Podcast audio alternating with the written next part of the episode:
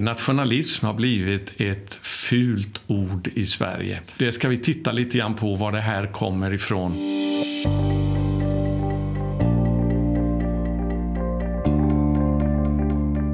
På den här videon kommer jag att tala om nationerna, att Gud har skapat nationer och att nationalism kommer ifrån Gud.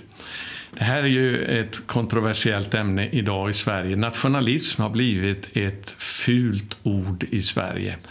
Eh, och det ska vi titta lite grann på var det här kommer ifrån. Så eh, vi ska börja med att läsa ifrån Apostlagärningarnas 17 kapitel i, från Paulus tal på Areopagen i Aten. Och det står det ifrån vers 26. Eh, ja, vi kan börja läsa från vers 24 faktiskt. Gud är den som har skapat världen och allt som är i den. Han som är Herre över himmel och jord. Bor inte i tempel som är gjorda av människohand. Inte heller låter han betjäna sig av människohänder som om han behövde något. Han som åt alla ger liv och anda och allt. Och så kommer det här nu i vers 26 då. Och han har av en enda människa skapat alla människor och folk för att de ska bo över hela jorden. Han har fastställt bestämda tider och utstakat de gränser inom vilka de ska bo för att de ska söka Gud om de möjligen skulle kunna treva sig fram till honom och finna honom fastän han inte är långt borta från någon enda av oss. Så här ser vi alltså att Gud inte bara har skapat alla människor utan han har också skapat alla folk, det som också kan översättas med nationer. Och för de här nationerna så har han bestämt fastställda tider och gränser. Så nationerna med deras olika språk och gränser, det är ett skapelseverk ifrån Gud. För att vad då? Jo, för att vi ska söka honom. Och Det här har ju sin bakgrund i det vi läser i Första Mosebok kapitel 11 om Babels torn. De flesta av er känner säkert till den här berättelsen, men vi ska gå dit ändå här och titta i Första Mosebok kapitel 11 och läsa där eh, om Babels torn. Ifrån vers 1. Hela jorden hade ett enda språk och samma ord. Här ser vi alltså, eh, vid den här tiden så fanns det bara ett enda språk över hela jorden. Men det är härifrån nu, utifrån byggandet av Babels torn i uppror mot Gud, som Gud sprider ut mänskligheten ut över hela jorden och eh, de olika språken skapas, olika nationer med gränser som är fastställda. Jag ska läsa om det här då. Eh, från vers 2 fortsätter vi. Men när människorna bröt upp och drog österut fann de en lågslätt i Sinars land och bosatte sig där. De sa till varandra, kom så slår vi tegel och bränner det. Teglet använde de som sten och som murbruk använde de jordbäck. Och de sa, kom så bygger vi en stad och ett torn som har spetsen uppe i himlen. Låt oss göra oss ett namn så att vi inte sprids ut över hela jorden. Då ska vi komma ihåg alltså att Gud hade ju befallt eh, Adam och Eva att de skulle uppfylla hela jorden och lägga den under sig. Men här så gör man alltså uppror emot den skapelseordningen, att förvalta skapelsen, att styra den eh, och istället så vill man samlas i en enda gemenskap och bygga ett torn i uppror emot Gud. Då står det i vers 5. Då steg Herren ner för att se på staden och tornet som människorna byggde. Herren sa, se, det är ett enda folk och de har ett enda språk.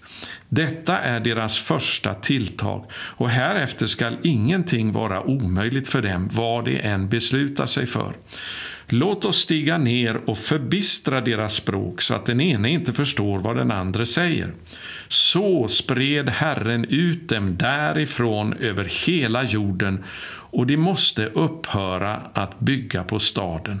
Den fick namnet Babel eftersom Herren där förbistrade hela jordens språk och därifrån spred han ut dem över hela jorden. Så det här är bakgrunden till det som Paulus säger då på Areopagen, att Gud har av en enda människa skapat alla människor, men också alla folk, för att de ska bosätta sig ut över hela jorden, som det står där. Ehm, för att de ska bo över hela jorden och inte göra som man gjorde då i Babel. Eh, och han har fastställt bestämda tider och gränser. Eh, han har utstakat, står det här, gränser inom vilka de ska bo. På grekiskan är det ett väldigt starkt uttryck detta att han har specifikt markerat gränser för folken. Det här är väldigt viktigt. Det här är en grundprincip för Gud. Och det här med Babels torn då, som gör uppror emot Guds skapelseordning. Eh, det är ju någon, en princip som förekommer genom hela Bibeln, ända fram till eh, slutet i Uppenbarelseboken så läser vi om domen över Babylon och hur Babylon har en del av eh, det här med antikrist att göra. Och Det är intressant när vi, vi ska titta på det med en gång här ifrån det 18 kapitlet i Uppenbarelseboken om domen här eh, över eh, Babylon. Eh, och det står så här då ifrån vers 20. Gläd dig över den du himmel Eh, och ni heliga, ni apostlar och profeter, ty Gud har dömt staden och skaffat er rätt. Eh, och en väldig ängel tog upp en sten stor som en kvarnsten och slungade den i havet och sa så ska Babylon, den stora staden med våldsam kraft störtas ner och man ska aldrig mer finna den. Aldrig mer ska ljudet av harpospelare och sångare, av flöjtblåsare och basunblåsare höras i dig och ingen hantverkare av något slag ska längre finnas där inne. Aldrig mer ska ljudet från en kvarnsten höras i dig. Och ingen lampas eh, sken ska längre lysa i dig och ljudet från brud och brudgum ska aldrig mer höras i dig. Och så står det här i slutet av vers 23. Dina köpmän var jordens stormän. Ty genom din svartkonst blev alla folk vilseledda. Och I den staden fanns blod av profeter och heliga av alla de som hade blivit slaktade på jorden. Så här ser vi alltså att i den sista tiden så kommer det här Babylons eh, tänkandet och, idén om ett världsrike i uppror mot Gud kommer att återuppstå igen och det kommer att dömas av Gud i den yttersta tiden. Det kommer att förgås för att aldrig mer resa sig igen. Istället är det Jerusalem som är en symbol på Guds folk som kommer att eh, uppfylla hela jorden. Men eh, det står någonting märkligt här, eh, nämligen att i, i slutet av vers 23 att det var köpmännen som var stormännen på jorden. Och Det här ser vi idag i den här globalismen som utbreder sig nu över hela jorden. Och jag talar inte nu om konspirationsteorier. Inte ett dugg. Jag talar om sådant som är kända fakta. Jag vill inte eh, hålla på med några såna här konspirationsteorier för att det kan man hamna hur långt som helst med utan att kunna bevisa någonting. Men idag vet vi att det finns de här storföretagen, multinationella storföretag och finansjättar som idag håller på att ta över kontrollen över världen och är väldigt intresserade utav att bryta ner nationer nationerna för att skapa det här Babelsamhället, Babylonsamhället igen i uppror mot Gud. Och en av de eh, mest kända företrädarna för det här systemet idag det är ju finansmannen George Soros. Han är ju jude från början och, och, även om han är ateist så har han judiskt påbrå. Men byggde upp sin, eh, sitt imperium, sin, sin eh, finans Eh, Eh, makt genom att samarbeta med nazisterna mot sitt eget folk, i, alltså mot judarna i Ungern. Och han är förklarad för en statsfiende till Israel idag. Han har investerat inte mindre än 32 miljarder dollar det är 320 miljarder kronor av sin egen förmögenhet för att förstöra, eh, enbart för att eh, eh trakassera Israel, för att stödja såna antiisraeliska eh, anti-israeliska organisationer för att eh, bryta ner Israel som nation. Och det här är George Soros är ju den som var väldigt involverad till exempel med Clinton-familjen och, och, och, president Obama. Han är den som finansierar de här organisationerna idag i USA, Black Lives Matter och så vidare. Eh, det blir ju en konfrontation mellan honom och eh, regeringen i Ungern nu inför valet här som hölls i början av 2018. Eh, och där blev han då portförbjuden och eh, George Soros har dragit sig ur nu ifrån Ungern. Och det var en del då som eh, säger att det här var ett uttryck för antisemitism.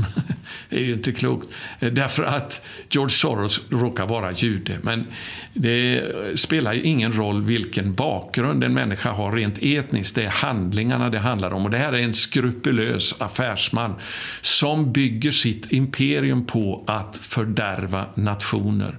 Han har skryter med att han har förpassat hela nationer, i, han har satt nationer i konkurs genom sin finansmakt. Han har ett otroligt inflytande idag, eh, även i Sverige med eh, eh, organisationer som, som arbetar emot svensk suveränitet. Så det här fundamentet av att Gud har skapat nationer, det är någonting som fienden och som antikrist är ute efter att bryta ner. Och jag vill påminna då om det ord som Gud talade till mig den 12 januari i år, 2018 inför valet här nu i eh, september i år i Sverige.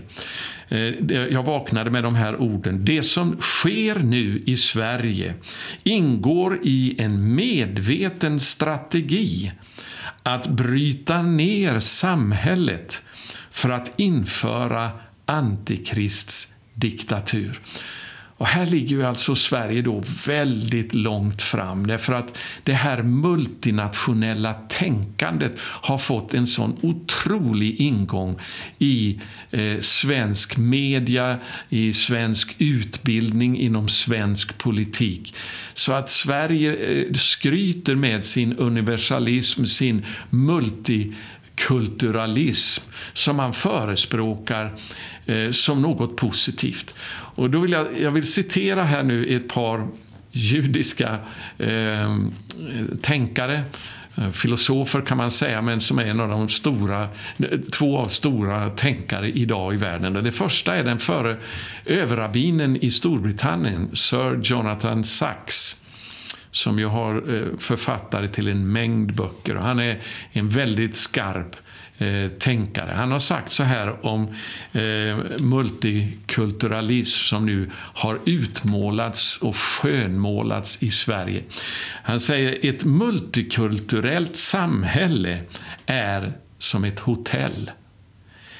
Ett samhälle eller en nation som har en nationell identitet är ett hem.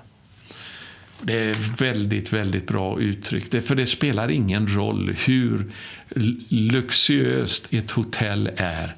Det kan aldrig ersätta ett hem. Det är alltid någonting tillfälligt, något som man vet inte är permanent och som inte kan skapa den trygghet som ett hem, hur enkelt det än är, utgör.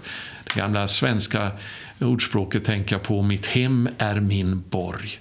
Så alltså en nation som har en nationell identitet, det är som ett hem. Det är som en familj, det skapar en hemkänsla, en trygghetskänsla. Och vad Antikrist är ute efter för att skapa sitt Babylonsamhälle i den sista tiden, det är att bryta ner nationerna för att kunna införa då eh, det som man försökte att göra redan i första Mosebokens elfte kapitel, nämligen att skapa ett imperium Eh, ett torn ända upp till himlen eh, i uppror emot Gud. Och Det här kommer att lyckas temporärt i den sista tiden. Det står om Babylon som får makt bara under en timme. Men det här systemet kommer att dömas väldigt hårt utav Gud i den sista tiden. Och nu står Sverige här inför ett vägskäl i valet i höst. Därför att eh, det enda parti som bjuder motstånd reellt emot denna antikristliga strategi att bryta ner Sverige som nation, det är Sverigedemokraterna. Och Det är därför vi har uppmanat nu till att de ska kunna få ett inflytande i politiken efter valet i höst. Att de ska bli det största partiet. Och Det här eh, betyder inte att vi, vi säger att eh, Sverigedemokraterna är ett perfekt parti. Inte alls. Och det är inte så heller att de är lösningen som sådan på Sveriges problem. Den lösningen har bara Gud och det är församlingen som har till uppgift att verkställa den lösningen. För missionsbefallningen, det ska vi komma ihåg, den innebär inte bara att vi ska predika evangeliet för alla människor. Den innebär också att vi ska göra alla folk där har du ordet igen. Alla folk, alla nationer till lärjungar. Och därför är vi också kallade att be för överheten eh, och arbeta för ett, en sådan situation där vi kan eh, få en, en gynnsam eh, jordmån för evangeliet. Och då står vi i strid med den antikristliga agendan i det här.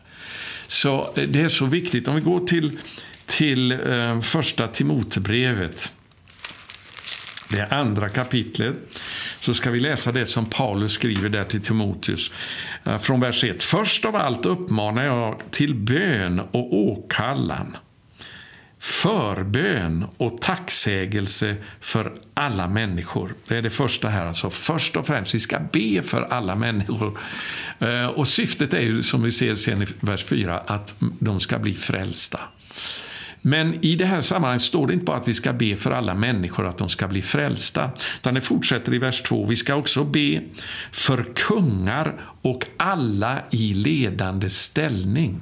Det innebär statsministrar, ministrar överhuvudtaget, ehm, kommunfullmäktige. All överhet är vi kallade att be för.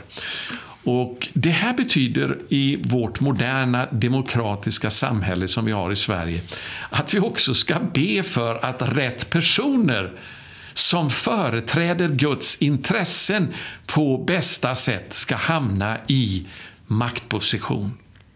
Därför behöver vi be väldigt konkret utifrån det vi ser i politiska partier. Vi behöver studera deras partiprogram och se vad de har på sin agenda. För idag är det ju så att människor har bara en begränsad makt. deras makt i ett demokratiskt samhälle som Sverige är byggd på det parti de företräder. Så det är partiets ideologi som ligger till grund för den position en ledande människa har idag i Sverige. Och Då är det viktigt att be för rätt parti att komma till makt. Det som kan representera Guds intressen på bästa sätt. Och Det här blygs vi inte för. Jag vet att det här initiativet jag har tagit nu, Sverige 714, det har kritiserats på olika sätt av eh, okunniga människor, måste jag säga. Därför att eh, vi är kallade att be att Guds vilja ska ske. Och för att be att Guds vilja ska ske, då måste vi först ta reda på vad som är Guds vilja.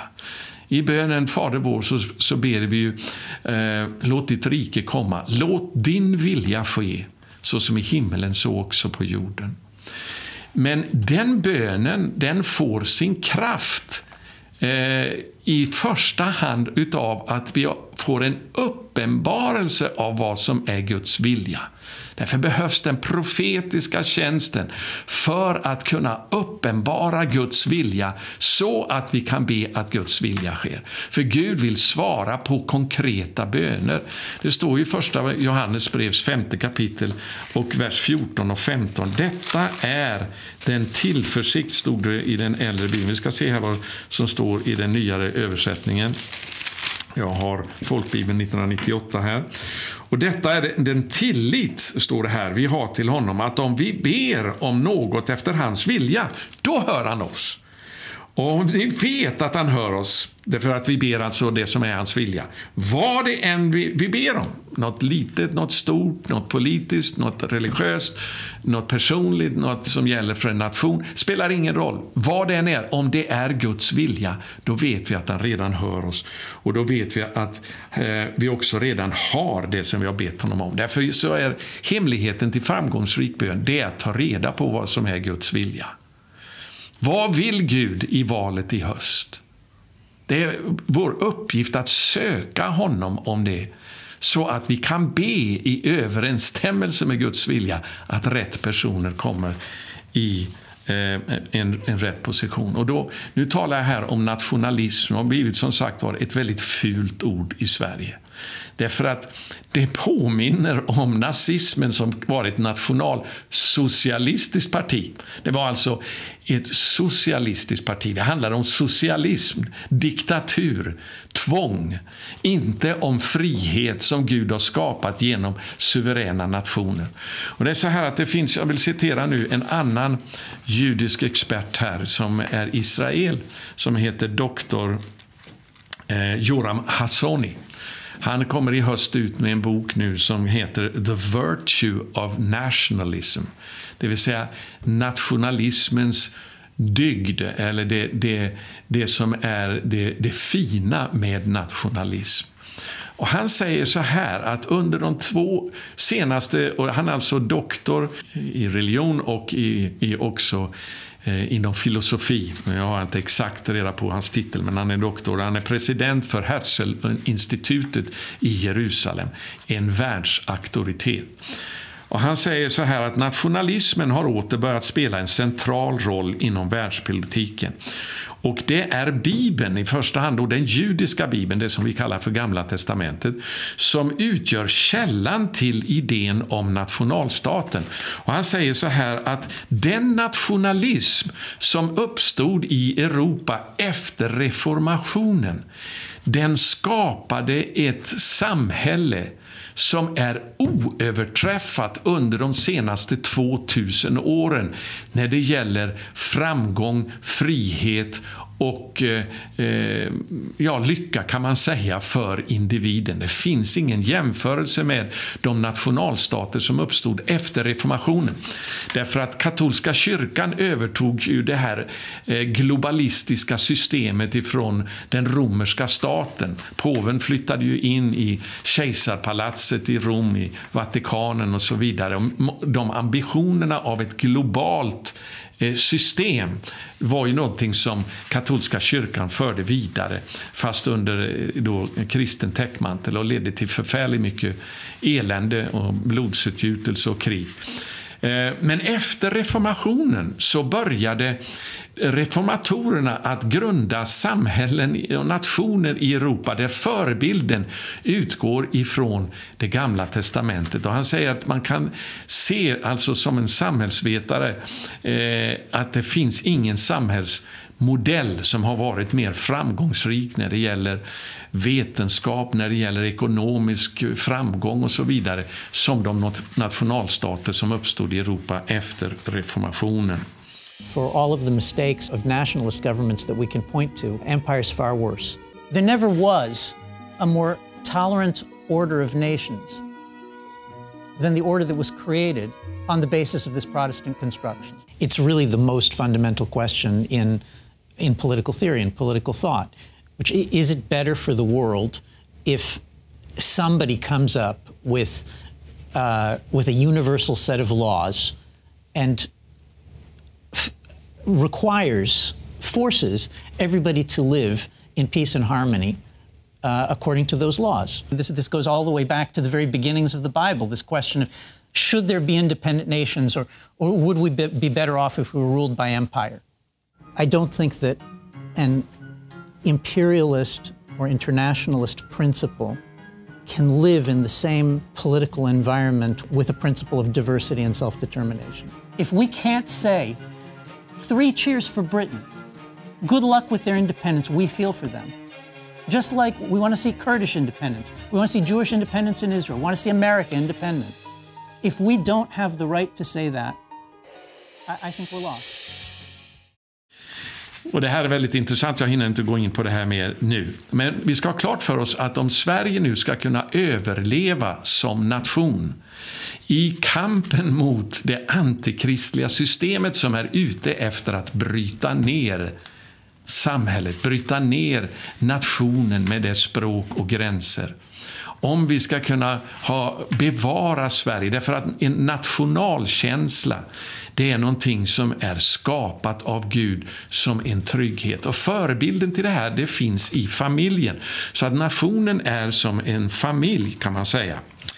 Och då vill jag säga nu för, för eh, vidare här att EU är ett antikristligt projekt. Ehm, därför att det går ut på att skapa det här globala systemet. Ehm, om vi förstår det rätt ifrån Uppenbarelseboken så kommer det att finnas tio kungar i det sista globala systemet. Och här utgör Europa då genom EU en mycket viktig del utav det här. För det är väldigt viktigt att påpeka det att ett sånt här globalt system kan aldrig hålla samman i längden utan en stark diktatur. Multikulturalism har aldrig kunnat haft någon framgång utan att det har funnits eh, diktatur. Och Det är vad som kommer att bli följden av EU. EU bygger mer och mer upp till en överstatlig organisation där staterna kommer att ha väldigt lite att säga till om. Även om det finns en demokratisk fasad så kommer till slut makten att hamna hos en liten elit. Och Bakgrunden till det här, bakom det här ligger då de multinationella industrikoncernerna och eh, finansmännen på, eh, i världen. Det är den kampen vi är ute efter och vi ser den nu eh, väldigt tydligt utspela sig i Sverige. Så en nation är som en familj. Och Jag vill också visa på att stammarna som fanns i Israel de är en bild på världens nationer. Och Levis stam, som utgjorde då själva präststammen som var skild från de övriga tolv stammarna den är en bild på Israel som en prästnation bland nationerna. Och när man läser i fjärde Mosebok om det här så kan man se hur eh, Gud gav då speciella platser runt tabernaklet för de olika stammarna att gruppera sig efter deras familjer och efter deras stammar under deras ledare och deras baner det som idag utgörs av flaggor som symboler för nationerna. Det här är någonting som är en gudagiven um, det är ett, ett, ett, som Gud har skapat som ett fundament för människans lycka. Vi vet ju i vigselritualen så, så sa man förut att, eh, som lyder den då, att han har skapat äktenskapet för, som grunden för eh, samhällets välstånd. Jag kommer inte ihåg exakt nu ordalydelsen. Men det är likadant med nationen, nationalkänslan. Och när vi har en trygghet inom en nationalkänsla, då kan vi också, det innebär inte främlingsfientlighet eller eh, expansion eller, eller hot mot andra. Eh, därför att vi har Precis som vi lär oss att älska oss själva så kan vi också lära oss att älska andra. För det är det Eh, budet vi har fått. Du ska älska din nästa som dig själv. Kan vi älska Sverige så kan vi också älska andra nationer. Kan vi älska oss själva kan vi också älska andra människor. Det här går hand i hand.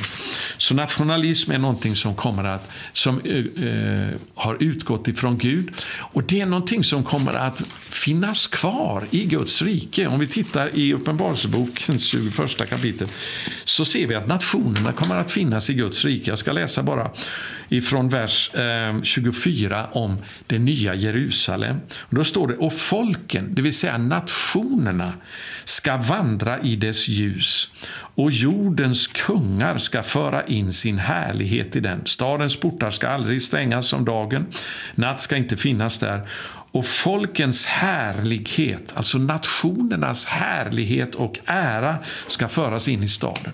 Gud har skapat olika folk, olika nationer med olika gåvor eh, och olika rikedomar eh, för att de ska bli till välsignelse i Guds rike för en gemensam global värld under Messias. Och Det är väldigt viktigt för den kommer att styras ifrån rättfärdighet. Jag hinner inte mer nu i den här korta videon, men jag vill bara betona detta. Nationalism kommer från Gud. Ska Sverige överleva måste vi uh, återupptäcka nationalkänslan och troheten till Sverige som nation. Och den svenska flaggan, vill jag säga, det är en symbol vi har fått ifrån Gud. Det guldgula tomma korset, uppståndelsens symbol på den blå botten som symboliserar himlen och den heliga Ande, Guds tron och hans bud. Det här är en symbol som är given av Gud själv till vårt land och det är väldigt viktigt att vi lyfter fram den som en viktig symbol för nationalkänslan i Sverige. Gud välsigne dig. Gå till min hemsida larsenarsson.com och gå med i den här bönerörelsen Sverige 714 där vi ber för valet i höst, att Gud ska rädda Sverige från att gå under. Tack ska du ha. Gud välsigne dig.